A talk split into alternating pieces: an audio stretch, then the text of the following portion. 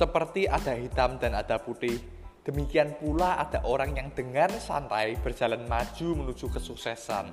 Dan ada pula yang berusaha mati-matian untuk sukses namun tidak pernah mencapai kesuksesan tersebut.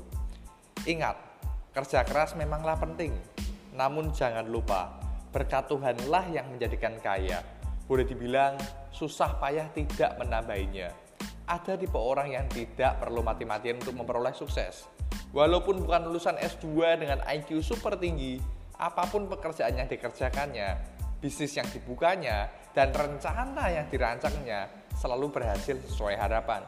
Kehidupannya pun tampak harmonis bersama keluarga dan rekan kerja. Namun di tempat lain ada orang yang sudah mati-matian bekerja keras, menyusun banyak rencana bisnis, bahkan bersekolah sampai S2. Tetapi pekerjaannya selalu gagal. Dia mungkin pernah sesekali memperoleh keberhasilan kecil. Bisa jadi dia sudah berjalan beberapa langkah menuju kesuksesan. Namun ujung-ujungnya selalu menuju kegagalan. Jika Anda termasuk tipe seperti ini, ada kabar baik untuk Anda. Anda bisa berubah menjadi orang yang santai diikuti dengan kesuksesan. Ada banyak sekali kunci kesuksesan yang dapat mengubah keadaan keuangan Anda namun Anda perlu memiliki kunci kesuksesan pertama dan paling dasar, yaitu gambar diri yang sehat. Kepintaran dan kerja keras saja tidaklah cukup. Kita umpamakan gambar diri negatif seperti rantai sepanjang 5 meter yang mengikat Anda pada tiang besi.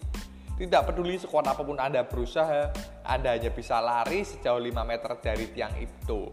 Sekalipun dengan IQ sangat tinggi, keuangan Anda hanya bisa berlari sejauh 5 meter dari tiang besi.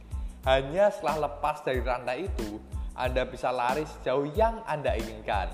Hanya jika Anda lepas dari gambar diri negatif, keuangan Anda bisa berlari tanpa batas. Ya, gambar diri sehat adalah langkah awal menuju kesuksesan. Gambar diri adalah cara kita memandang diri kita sendiri. Bagaimana Anda memandang diri Anda sendiri? Apakah Anda memandang diri Anda sebagai orang sukses atau gagal? Sudahkah Anda melihat diri Anda sebagai ciptaan Tuhan yang dilahirkan untuk berhasil? Ataukah Anda melihat diri Anda sebagai orang yang gagal?